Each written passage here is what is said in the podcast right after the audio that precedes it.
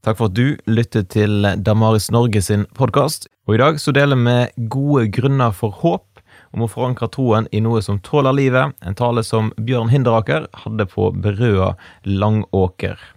Det var en eh, flott sang egentlig om håpet. Både det, den eh, morgenen, den framtiden vi ser framover mot, og han som løper sammen med oss mot den morgenen.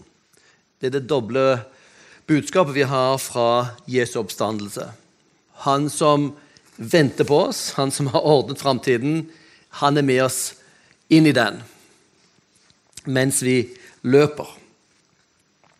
Jeg ønsker å begynne med å gratulere med noe som ikke har vært nevnt så langt. Det er kvinnedagen.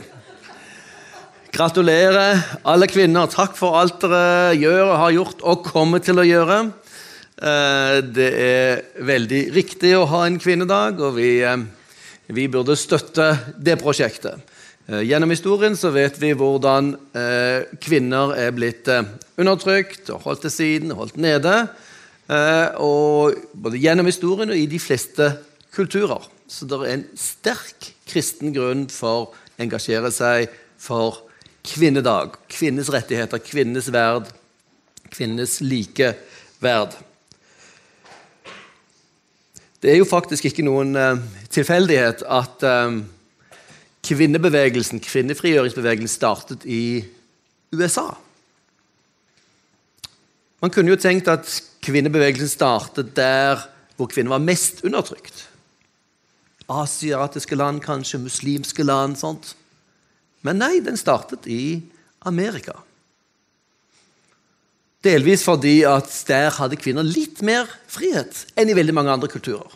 Pluss at de hadde en kilde til sin tro, nemlig Bibelen, som ga de prinsipielt likeverd.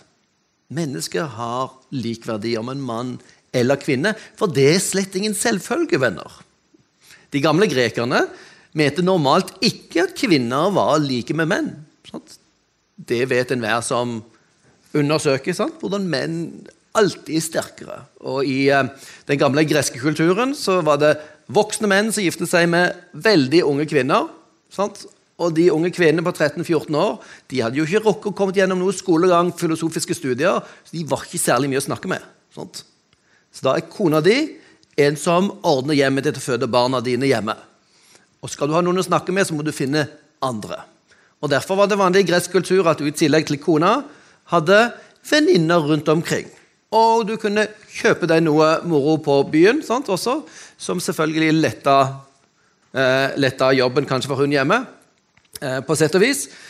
Eh, men, men, kvinnen hadde da roller og kunne, uh, kunne være uh, det, som var, det som var nyttig for hva menn tenkte. Og Det er interessant at når, når den kristne troen vokser fram, den kristne kirken vokser fram, så synes det faktisk å være overvekt av kvinner i de kristne forsamlingene. Flere kvinner enn menn blir kristne. Kanskje det har vært sånn gjennom hele historien, for alt jeg vet. Men en sosiolog som heter Rodney Stark, historiker og sosiolog, synes å se at det er i hvert fall 60% kvinner blant de kristne. Som vil si det er et flertall av kvinner. Og Det er jo litt interessant hvis vi ser for oss image som kristentro har i dag. Kristentro er liksom det gammeldagse, det som holder kvinnene nede. Det er liksom imaget kristendommen har i vår kultur. At det er kristendommen som holder kvinnebevegelsen nede. Sånn var det ikke opplevd blant de første kristne. Blant de første kristne så eh, oppdaget kvinnene sin egen verdi. Vi er like mye verdt som mannen. Og så skjedde noe veldig rart eh, i relasjonen mellom kvinner og menn, nemlig at man skulle følge samme moral. For kvinnene var forventet å skulle være trofast, i hvert fall de som var gift, mens mennene var forventet å skulle være fri i kulturen. Når du ble kristen i det kristne fellesskap, så var det samme krav for menn som for kvinner. Kanskje det gjorde det vanskelig for menn å bli kristne. Det bremset de, men det løftet kvinner opp. Kvinner fikk lov å føde sine barn, for kristne så på det å ta barn i, eh, Sette ut barn eller å ta abort, de så på det som drap i antikken. Og Det, det var det mange som var opprørt over, at, at her, denne religiøse sekten anklaget folk for å være mordere. Men helt selvfølgelig rett, en, en husfar har rett til å ta livet av de barna som han ikke vil ha. Men for kvinner vil det være en fantastisk verdi å kjenne de er ivaretatt. De er ikke bare en fødemaskin, men de er verdifulle i seg selv. Og det de føder fram, har akkurat samme verdi som oss alle. Så i, eh, i den første kirke de første hundre årene så ble kvinnens verdi radikalt løftet når, blant de som ble kristne. Og Du ser jo, du ser jo i Nytestamentet også at det er en del av de kvinnene som, som kommer til tro, det er dynamiske, aktive kvinner som, som, har lederposisjoner i, eh, i menigheten. De er diakoner, de underviser, de har masse ulike roller, som er en litt uventet ting i den kulturen. Kristentroen var radikal fra starten. Og dermed gratulerer med kvinnedagen. Den kristne bevegelsen er en eh, bevegelse som alltid har løftet fram likeverdet. Og selv om praksisen sant, også i kristne sammenhenger ikke alltid har fungert sånn sant, uh, Ofte så benytter menn den makten de har, for, for, å holde på sin makt. Så, så er den kristne troen utgangspunktet frigjørende for oss alle. Gratulerer med kvinnedagen. og Det er veldig, veldig naturlig at kvinnedagen løftes fram akkurat til denne dagen. For hvem var det som oppdaget søndagen? Hvorfor feirer vi søndag? Det er veldig rart. Hver syvende dag så har vi liksom en fridag, en søndag, det vi kaller helligdag. Hvor kommer nå det fra? Det kom ikke fra jødene. Jødene hadde sabbaten, sånn lørdagen, husker dere. Søndagen er en kristen oppfinnelse som er basert på Jesu oppstandelse den første dag i uken. Kom det noen kvinner til graven og så at graven var tom. Kvinnene var de første vitnene.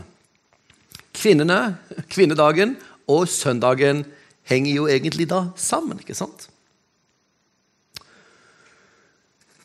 Og eh, det er jo da veldig interessant eh, hvorfor, hvordan vi har disse beretningene om Jesu oppstandelse i Bibelen. Hvordan du ser I alle evangeliene så fortelles det på samme måte. Det var noen kvinner som kom til graven. Og Hvis du vet litt om kvinnenes status i den kulturen, også i den jødiske kulturen der, så hadde ikke kvinner høy status som vitner. De kunne være vitner i en rettssak, men de telte ikke like mye som en mann. Og ehm, Det er kanskje ikke så rart eh, ut fra synet på kvinner. Dere vet eh, ordet hysteri. Sånn, det er en kvinnelig lidelse. Ordet hysteros på gress betyr livmor. I antikken, i gamle dager, så trodde man at, at hysteri kom fra at livmoren beveget seg rundt i kroppen og, og gjorde kvinner ville. Um, så da, Forskning på hysteri har jo endret litt synet på dette, her, men den kvinnelige lidelse som gjør kvinner ustabile. Vi vet jo det er noen sykluser her som eh, kan skremme noen av, noen av oss andre. Sant? Eh, du kan ikke helt stole på kvinnene. Sant? Du vet ikke neste morgen hvordan egentlig status er. Eh, de, er. de, har kontakt med kroppen sin for å si det sånn, og sine følelser. og så er det slik også i antikken at kvinnenes viktigste jobb var å ta seg av hjem og barn. Det betyr at de fikk ikke samme utdanning, opplæring, som menn. Sånt. Hvilket gjorde at de var enklere på sett og vis. Sånt. De hadde ikke fått utdanning. Og dermed, hvis du skulle ha noen som et vitne i rettssak, så ville du ha de kloke, lærde, forstandige. Kvinner hadde rett og slett lavere status som vitner i rettssak. De var for emosjonelle, de var ulærde uskolerte.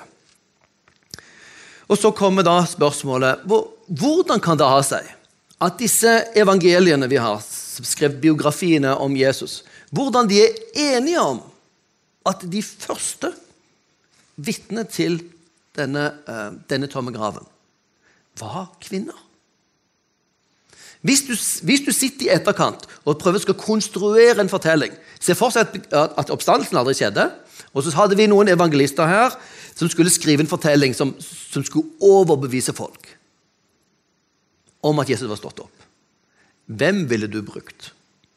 Punkt 1, du ville brukt menn. Punkt 2, du ville brukt kloke, stødige menn. Kanskje Petersen. Han var veldig stødig i noen ganger, og noen ganger var det veldig sånn vippa.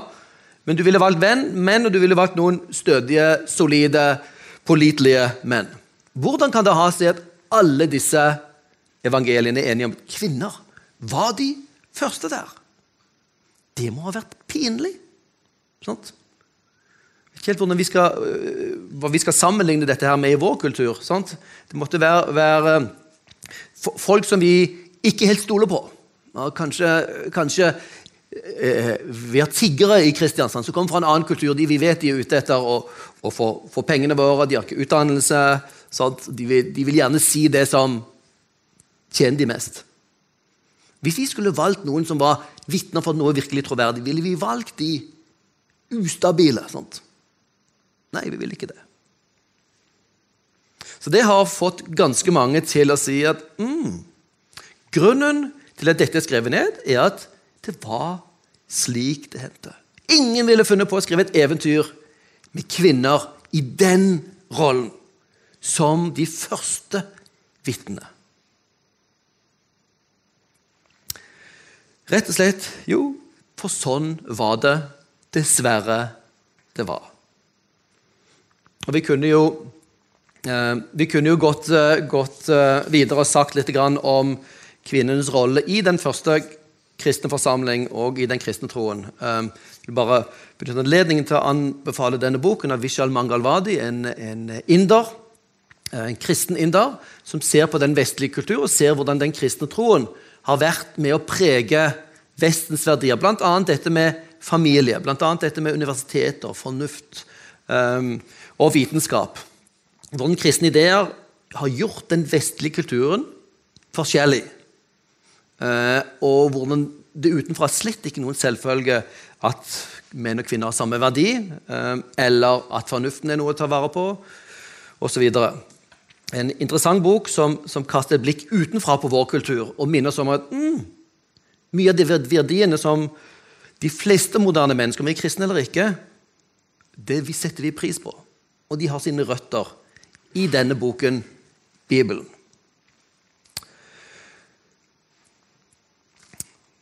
Kvinnene som de første vitner er en av de sterke argumentene for at dette må ha vært slik. For man ville ikke funnet opp sånne fortellinger. Det fins flere Eh, flere veldig gode argumenter for at Jesu oppstandelse faktisk skjedde historisk. Jeg vil dele med dere noen av, av eh, de personene som, som, jeg har hatt mye glede av å lære noe av. Den ene her er eh, kanskje vår tids største kristne tenker. Han er historiker. N.T. Wright. Denne boken her er en av, av tre bøker som store som murstein med et noteapparat som er Fotnotene er mer enn teksten, så det er en seriøs forsker. Denne boken er, et, er et forskning, en del av hans forskning på Jesu oppstandelse. Både hva den betyr for noe, og hvordan vi skal forstå den historisk i antikken. Sant? Han studerer alt av antikk materiale fra 100 år før til 100 år etter Jesus Kristus i, i, i forhold til spørsmålet om dette med oppstandelse. Hvor kommer ideen om oppstandelse fra? spør N.T. Wright. Og forsker på alt av materialet vi har fra antikken om dette. her. De første kristne trodde nemlig at Jesus hadde stått opp fra de døde. Og alt av materialet vi har fra den jødiske konteksten og fra antikken rundt de antikken, Den greske antikken trodde jo ikke på noen Messias, men jødene de forventet ikke noen oppstått Messias. Dere vet, Jødene hadde en forventning om at en dag, en gang langt der fremme, eh, eller kanskje i forhåpentligvis ganske nær framtid, så vil Gud komme til verden og dømme verden. Og Israel vil endelig bli løftet opp, befridd, eh, og bli sentrum i Guds videre plan med verden. Det var ideen. Så kom Messias her, og han skulle være med å innlede den messianske, den nye tid, den kommende tidsalder. Messias rike. Det var det jødene forventet. Dette var forventningene til Jesu disipler. En dag skal Messias komme, en dag skal rettferdigheten komme, og en dag det er den dagen for oppstandelsen skal skje. Gud skal vekke opp levende og døde. Og ja, da er det oppstandelse. Ingen jøder ventet at deres Messias for det første skulle dø. Hvordan gir det mening? Hvis han dør, skulle ikke han gjøre noe nyttig? Og for det andre at han skulle stå opp fra de døde. Det var ingen eh, i den jødiske konteksten som hadde disse forventningene. Og Hvordan kan det ha seg da at denne kristne jødiske bevegelsen begynte plutselig å snakke om dette? Og gjorde oppstandelsen og Messias, altså Jesu Kristi oppstandelse, til sentrum i troen. Det var noe helt annet enn deres jødedom hadde lært dem. Og dette omformet deres tro fullstendig. De første kristne de første kristne var jo jøder. Sant? Det var Jesu, Jesu etterfølgere. For de så ble sentrum i historien denne personen Jesus, som faktisk døde, og som vi lærte han døde for våre synder, og han ble reist opp igjen. Oppstandelsen til denne Messias midt i historien. Dette hadde de ikke hentet fra Det gamle testamentet. Dette hadde de ikke fra kulturen sin. Sånn, Historikere må spørre hvor kommer denne ideen fra? Som synes ikke kommer fra noe sted rundt, og som ikke de hentet ordentlig fra Gamle testamentet, og som ga formen til hele den nye kristne troen. Med Jesus, Christ, Jesus Kristus som død, oppstanden midt i historien, og som peker framover mot den nye tid når alle mennesker skal stå opp. Dette var en ny oppfinnelse, ikke sant? Sånn teologisk sett, religionsmessig sett. Hvor kommer den fra? N.T. Wright han sier at um, det beste altså, den, be, uh, den, beste forklaringen på dette her, er rett og slett at Jesus sto opp. Hvis Jesus faktisk sto opp fra de døde, så bekreftet han var Messias. Og da måtte de tenke nytt om hva Guds løfter til verden og Israel var. Jo, Messias skulle dø. Det lærte de i Isaiah 53. ikke sant? En tekst som var vanskelig å forstå før, og som ble ofte lest om som om det dreide seg om hele israelsfolket som lider. Lider for verden. ikke sant? Uh, uh, og nå ble dette fokusert om Jesus, og han bringer frelse og liv for verden, og den endelige oppstandelsen skal skje i framtiden.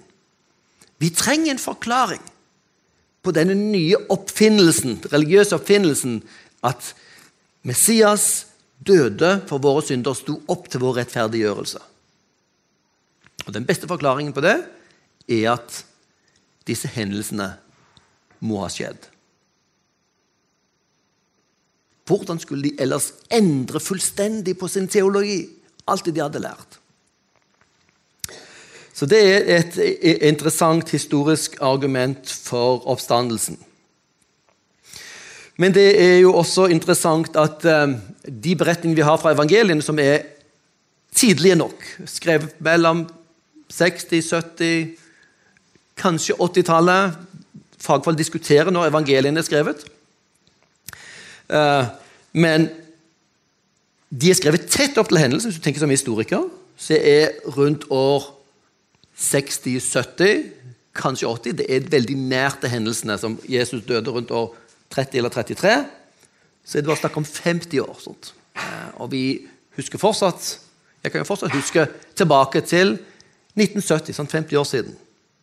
Mange ting skjedde i mitt liv da. Jeg kom tilbake Jeg var 11 år fra, fra, fra Afrika. Eh, Stavanger, flyttet til Mandal. Husker veldig godt det som skjedde da. Det er, ingen, det er ikke en lang periode. Det er ikke lett for deg å lyge om hva som skjedde på 1970-tallet. I de tingene jeg kjente til. Så 50 år er ikke historisk sett en lang periode. Og vi vet at evangeliene, og De, de første evangeliene, f.eks. Markus-evangeliet, er nok skrevet ganske mye før, kanskje på, kanskje på 60-tallet. Noen mener 50-tallet. Og det er jo enda nærmere. 20-30 år etter hendelsene. Og så vet vi også at før de blir skrevet ned, så ble de formidlet muntlig. For Hvis du lever i en kultur der de færreste kan lese, så er jo ikke det viktigste å skrive ned fortellingen. ikke sant? Her har, du, her har du skriftene. Ja, men vi kan jo ikke lese. Ja, men Vi kjenner en som kan lese høyt for oss. Sånt. Det er det du hadde i menighetene. Du hadde folk som kunne lese, kunne lese høyt for andre. Den beste måten å undervise på for, i antikken var å lære en ting utenat, og så si det videre til andre, som var vant til å lære utenat. Så evangeliefortellingene de ble formidlet muntlig gjennom disse årene i forkant av nedskrivingen. Og En ting som er interessant her i, eh, når vi beveger oss til, til, perioden før evangeliene, så har vi jo Paulus sine brev. Paulus sine brev ble skrevet før evangeliene, sannsynligvis, så langt vi vet. Eh, vi har et eksempel her i 1. Korinterbrev, kapittel 15. Og Husk det at det er jo ikke bare kristne som tror at Paulus skrev Korinterbrevet. Til og med skeptikerne tror det. Det er bred enighet. Uansett ditt livssyn, din tro, om du er liberal, konservativ Første Korinterbrev er skrevet av apostelen Paulus. Det er ingen grunn til å tenke noe annet. Noen diskuterer forfatterskapet til Paulus i noen av de andre brevene, men ikke Korinterbrevet. Ok, og Vi vet sånn cirka når første Korinterbrev ble skrevet, fordi vi har funnet tidspunktet når Gallio var eh, en, en, en, borgermester der. For, for Gallio nevnes av Paulus i brevet og i apostlenes gjerning. Vi kan tidfeste dette brevet til rundt år 54 og 55. Altså, da er vi rundt litt over 20 år etter Jesu død. Og så, så sier Paulus dette i kapittel 15, som er oppstandelseskapitlet i Korinterbrevet. Først og fremst overga jeg til dere det jeg selv har mottatt. At Kristus døde for våre synder etter Skriftene, at han ble begravet, at han sto opp den tredje dagen etter Skriftene, at han viste seg for Kefas og deretter for de tolv. Deretter viste han seg for mer enn 500 troende søsken på én gang. Av dem lever de fleste ennå, men noen er sovnet til. Deretter viste han seg for Jakob, deretter for alle apostlene. Det første Paulus sier her, for først og fremst overga jeg dere det jeg selv har mottatt. Ok, Paulus har vært i Korint før. Og vi vet når det har vært. Det har vært rundt år 50-51. Da har vi bare 20 år etter hendelsen i evangeliene. Under 20 år. Og så sier Paulus det som jeg fortalte dere i år 51, når jeg var hos dere i Korint, det var det ikke jeg som fant på. For det har jeg overtatt fra de andre. Paulus er veldig frimodig til å si at 'jeg har autoritet fra Kristus'. Sånt? Jeg har lært noe direkte fra Kristus. Jeg, har, jeg, kan fortelle dere det. Men denne delen hadde han ikke lært direkte fra Jesus, men overtatt fra andre. Det med å overta og motta det, det er et eh, språkbruk som brukes eh, blant jødene om det å overlevere lærestoff. Du har en lærer som sier deg hva du skal eh, kunne og så skal du ta dette videre til den andre. Det kalles tradering. Videreføre en tradisjon. Så historikere vil se her ok, Paulus presenterte dette. Han henviser noe han, han, lærte det i år 51. Så sier han Paulus sjøl fikk dette sjøl mye tidligere. Det jeg selv fikk mottatt. Og Hvis du ser på kildene og Paulus sine brev, som historikere vil gjøre, så sier de ok, hvis du leser Galaterbrevet sammen, med dette her, så ser du at Paulus ikke mange år etter sin omvendelse besøkte Jerusalem. Noen få år etter sin omvendelse besøkte han Jerusalem. Så vil si at denne formelen her vil historikere si, dette er maksimum fem år etter Jesu død. Hvor altså de kristne i Jerusalem har lagd en slags bekjennelsesformel om hvem Jesus er, hva Jesus gjorde, hva som skjedde med ham, og vitnet til oppstandelsen. Denne formelen får Paulus fra miljøet i Jerusalem og leverer videre til Korint og til alle menighetene. Så vi er altså veldig nær hendelsen. Ser dere det? Som historikere så har vi en fortelling om Jesu oppstandelse her som ligger veldig nært hendelsene. Ganske sjokkerende. Sant? Det er ikke slik at ideen, altså at de første kristne opplevde Jesus død, og så var det så vanskelig å takle, så senere så kom de på myten om Jesu oppstandelse. Sant? Når det var gått 30-40-50 år. Nei. Oppstandelsen ligger helt nært hendelsene. For en historiker dette sjokkerende og dramatiske tall. Kun maks fem år etter disse hendelsene. Og Det som, det som eh, forskerne finner når de ser på denne teksten her, at, at, at, at Dette er ikke noe god gresk. Dette er bare spor av å være oversett fra arameisk, sånn som språket til jødene på Jesu tid. Dette er sånn som, som, Peter og gjengen og apostlene har sittet og formulert troen. Hva er, det, hva er, det, vi tror på? Jo, Jesus døde. Og hva var meningen med det? Jo, han døde fra våre, våre synder. Og Så ble han jo begravet, og så sto han opp igjen. Den tredje dagen. Og er interessant den tredje dagen. Jesu oppstandelse var ikke bare en sånn metafysisk, åndelig hendelse som stiger opp i våre hjerter, som du av og til hører fra fra noen liberale teologer. Det viktigste ikke at det skjedde, men at det, at det skjer i ditt hjerte. Nei, Jesu oppstandelse var den tredje dagen. Det skjedde midt i historien. På en dag vi kan fastsette. Etter Skriftene. Og at han viste seg for Kefas, deretter for de tolv. Kefas, vet dere hvem er? Det er det aramaiske navnet igjen for Peter. Interessant. Her bruker Paulus det språkbruken de ville hatt menigheten i Jerusalem. Den som, Peter, nei, den som Paulus besøkte rundt år 55-56, nei 34-35 kanskje, noen år etter sin omvendelse, og fikk denne formelen. Allerede da var dette formulert.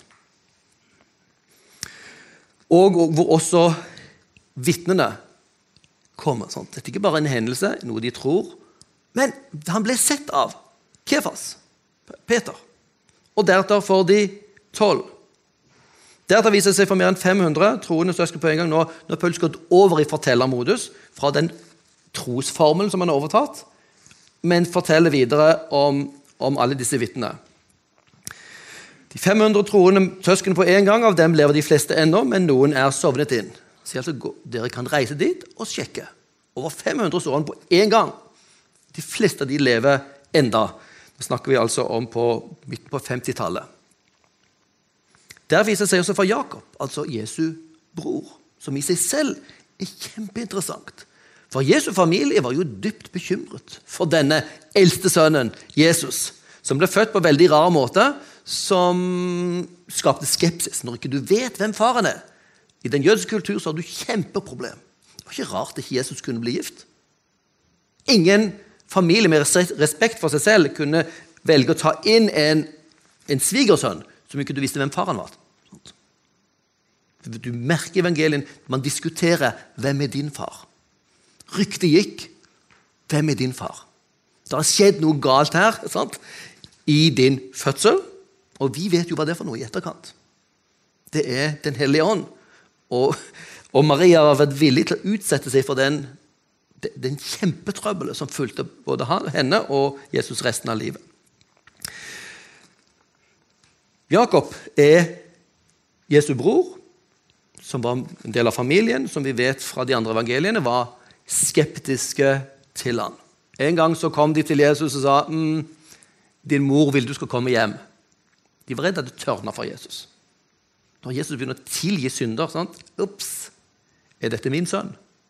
Hvem har gitt han den autoriteten? Ok, Det er greit han skal bli stor, kanskje han skal bli konge, men konger tilgir ikke synder. Dypt bekymret. Og folkemengden strømte til, og Jesus ble mer, mer og mer eller, Han var dramatisk i innholdet han forkynte. Dere har hørt det sagt, men jeg sier dere. Og så begynte han å legge opp til en konflikt med lederskapet i Jerusalem. Trøbbel. Etter oppstandelsen viste det seg at eh, Jakob, Jesu bror, kommer til tro. Han blir en av de første, han blir første biskopen i kristenheten. Biskop i Jerusalem. Også kalt den rettferdige, fordi han var så opptatt av å leve rett, som Moselom har kalt oss til, og som er Jesu forbilde.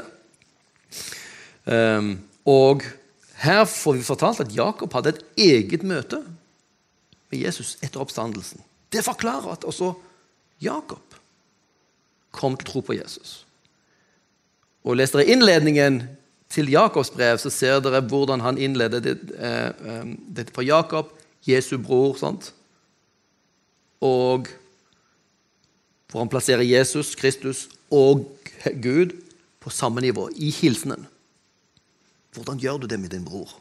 Hvis ikke noe kjemperadikalt har skjedd. Jakob kom til tro. Og deretter for alle apostlene. Det er interessant å sammenholde denne listen med fortellingen til evangeliene. Det er litt utfordring.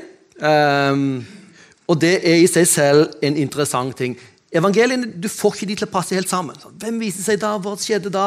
Det, det, hvor mange kvinner var det? Hvor var de da? Nei, det er faktisk en utfordring. Noen har forsøkt, og det er noen veldig gode forsøk. Jeg skal ikke bruke tid på det i dag. Men vi har en venn av oss, detektiven Jim Warner Wallace, som var en eh, overbevist ateist. og han, han hadde som sport å sette kristne fast. Så han syntes det var gøy, og han ble sett som en ganske aggressiv ateist av sine kolleger. Um, på et uh, tidspunkt så Kona hans ble kristen, og da var han jo litt bekymra for at dette ekteskapet kunne uh, gå i grus. Uh, men så hadde han en kamerat som hadde ja, kom og undersøk, da i hvert fall. Kom til kirke og undersøk. Så tenkte jeg ok, jeg må jo vel kanskje i hvert fall undersøke. Jeg er så overbevist om det, at dette her er tøys. Jeg kan jo ikke bare la være å undersøke. Så han ble med på et møte, og på det møtet så ble han overbevist om at mm, personen Jesus er intelligent. Det er noe interessant her. Og han er spesialist på cold cases. Cold case betyr det er en veldig gammel mordsak som er uløst, hvor du kanskje ikke har et lik, du har kanskje ikke mordvåpenet. Du har nesten ingenting. Og så er hans jobb å prøve å finne morderen.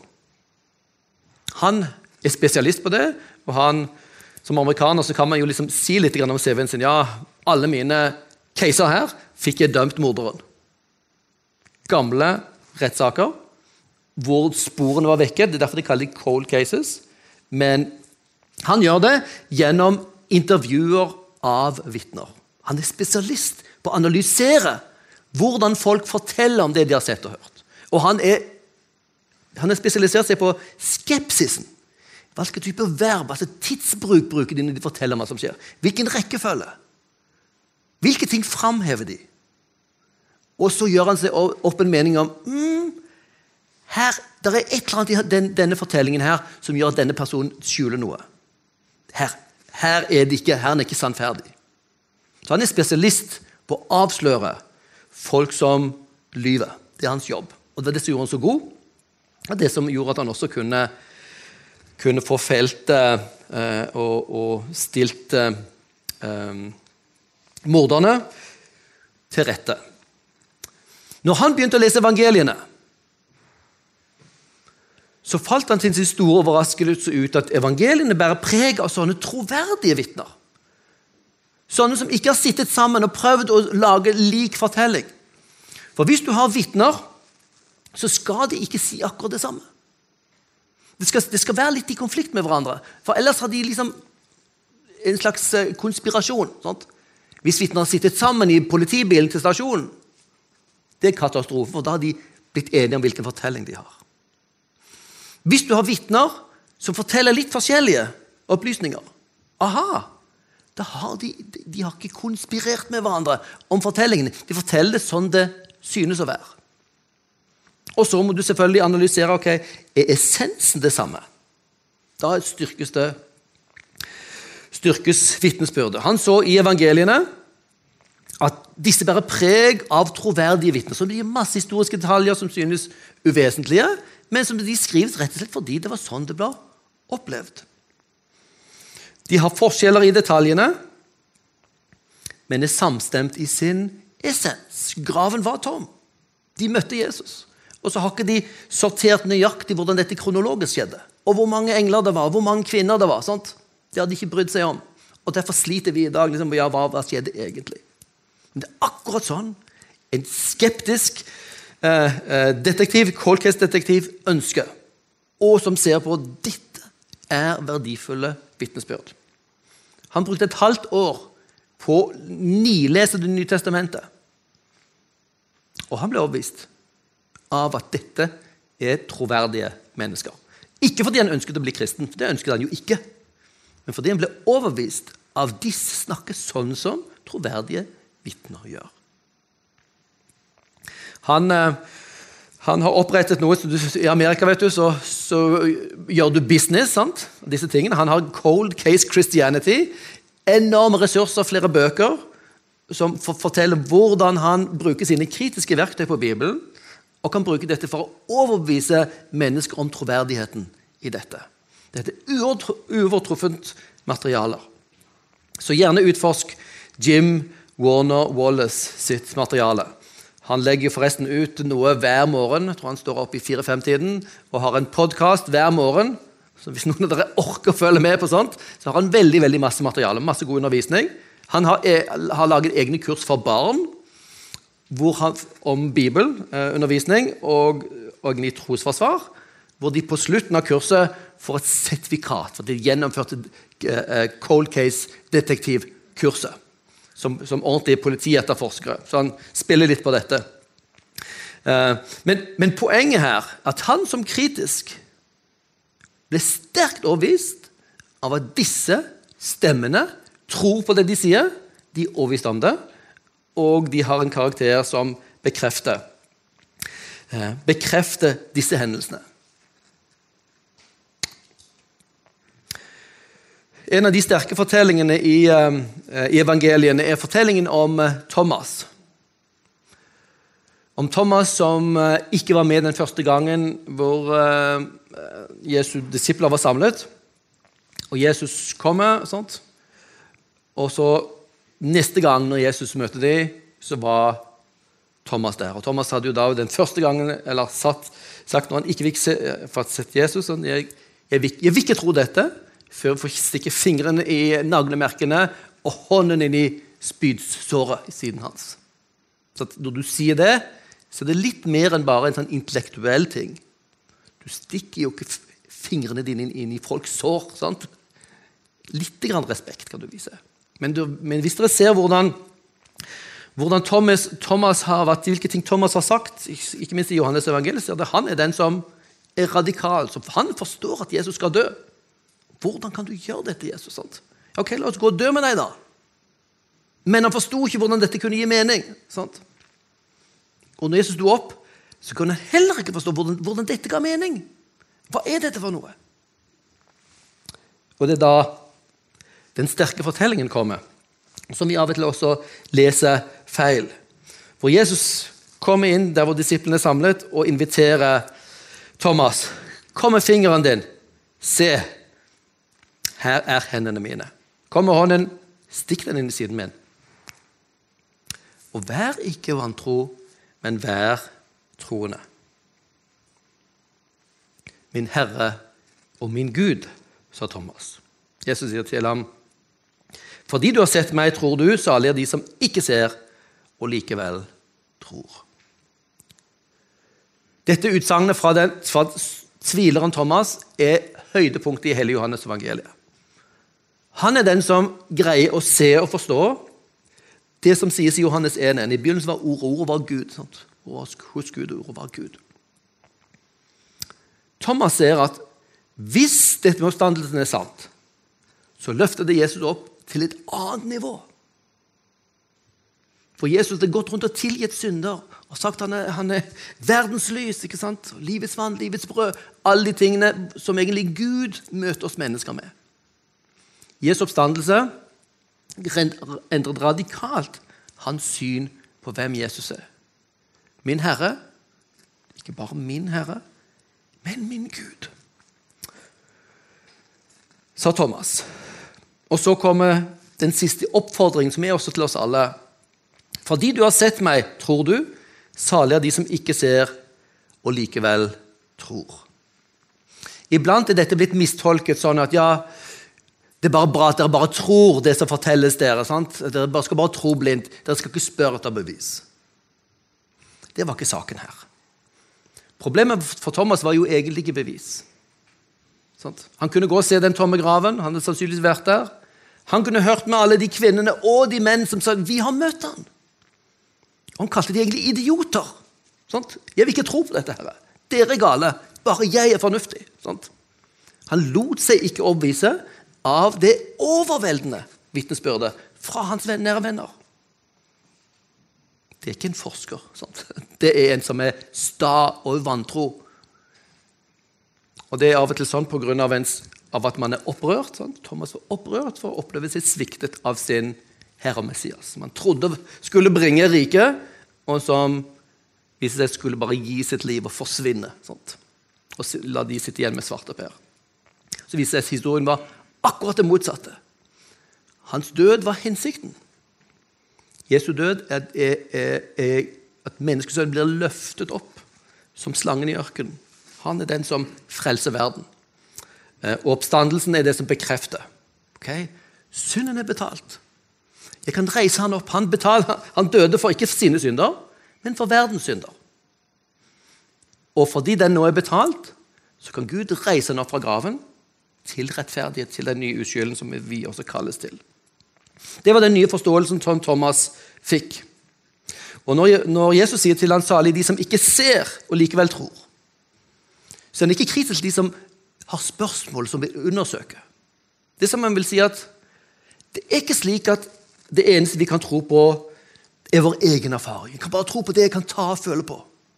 Ja, men da kan du gå aldri Du har ikke testa og følt på en jetmaskin, de fleste av oss hvordan dette egentlig funker. Vi har sittet igjen og kanskje sett at det funker, men det er fordi vi allerede tror på det. Vi har ikke tatt på Napoleon, har vi det? Eller Olav den hellige? Vi tror likevel at de har eksistert. Det meste har vi ikke sett og tatt på. Og vi tror på det. Det er gode grunner til å tro på det, for andre har vært der. Andre har undersøkt. Ingen av dere har sett eller tatt på et atom. Dere tror på det likevel. Så vi må, ikke, vi, må, vi må, ikke, være så arrogante at vi avgrenser hva vi vil tro på, til det vi liksom sjøl kan ta og føle på. For det meste av det vi vet, har vi fra andre. Som er klokere enn oss, som er eldre enn oss, som har levd og som har sett andre ting enn vi har gjort. Vi må bare sikre oss at de er troverdige. Tro basert på vitner. Sånn er det i naturvitenskapen. Naturvitenskap bygger videre fordi du stoler på de som har gjort grunnforskningen. Så kan du jobbe videre. Historieforskning du tror på vitnene. En sånn en tro er det Jesus inviterer oss til. Tro på disse vitnene fordi de er troverdige. Ikke tro bare fordi du vil tro, eller du ønsker det var sant. Men de er fordi de er troverdige. Og Det at de også ga sitt liv for dette, er selvfølgelig en ting som beseiler denne saken enda sterkere for oss. Jesu oppstandelse er en sterk en, en stor sak i den kristne troen og i forhold til å dele troen. Vi snakker om dette med å avlegge regnskap for håpet. Vi trenger å sette ord på hva det kristne håpet er. Gå tilbake til Bibelen og si hva, hva sier egentlig Bibelen om hva vi har å forvente. Det er fantastiske ting. En ny jord. Sant? Vi som holder på å ødelegge denne her nå. Forpeste denne her, gjøre den ulevelig. Og så har Gud sagt at jeg vil bringe, jeg vil skape en ny jord, en fornyet jord, et fornyet skaperverk. Det er en fantastisk ting inn i vår tid. Det lover Jesus oss. Jesu oppstandelse berører vårt dypeste problem, nemlig døden. Derfor er det relevant for alle mennesker til alle tider. Jesu oppstandelse er nøkkelen til Jesu identitet. Tenk Thomas. Det fikk han til å se. Jesus er noe mer. Jesu oppstandelse er Guds bevis på at Jesus talte sant om seg selv. Det har skjedd på historiens arena, som vi har uh, påpekt. Det kan undersøkes. Inviter skeptikerne til å være med deg og undersøke her. Og undersøkt selv der også som kristen. I Roman 1,4 sier Paulus at Jesus ble stadfestet som Guds mektige sønn ved oppstandelsen fra de døde. Oppstandelsen er Guds bekreftelse, Guds godkjentstempel på Jesu utsagn om seg selv og hans eh, tjeneste. Og det siste Det åpnet vinduet vindu til framtiden. Og det var det vi sang her rett før, før talen. Om denne her framtiden, denne soloppgangen som Gud har lovet oss.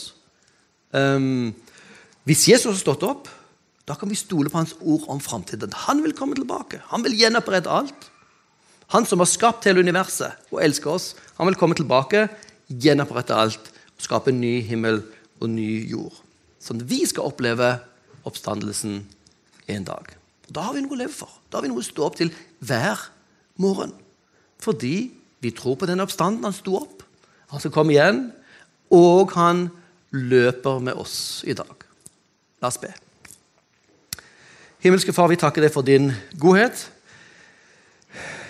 Vi takker deg nå for Jesu oppstandelse fra de døde som et sikkert fundament og utgangspunkt for alt det vi tror på.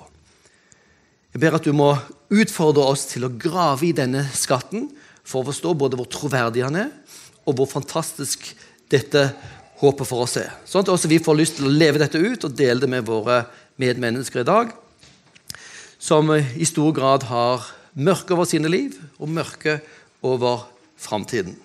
La oss få lov å leve i ditt håp. Amen.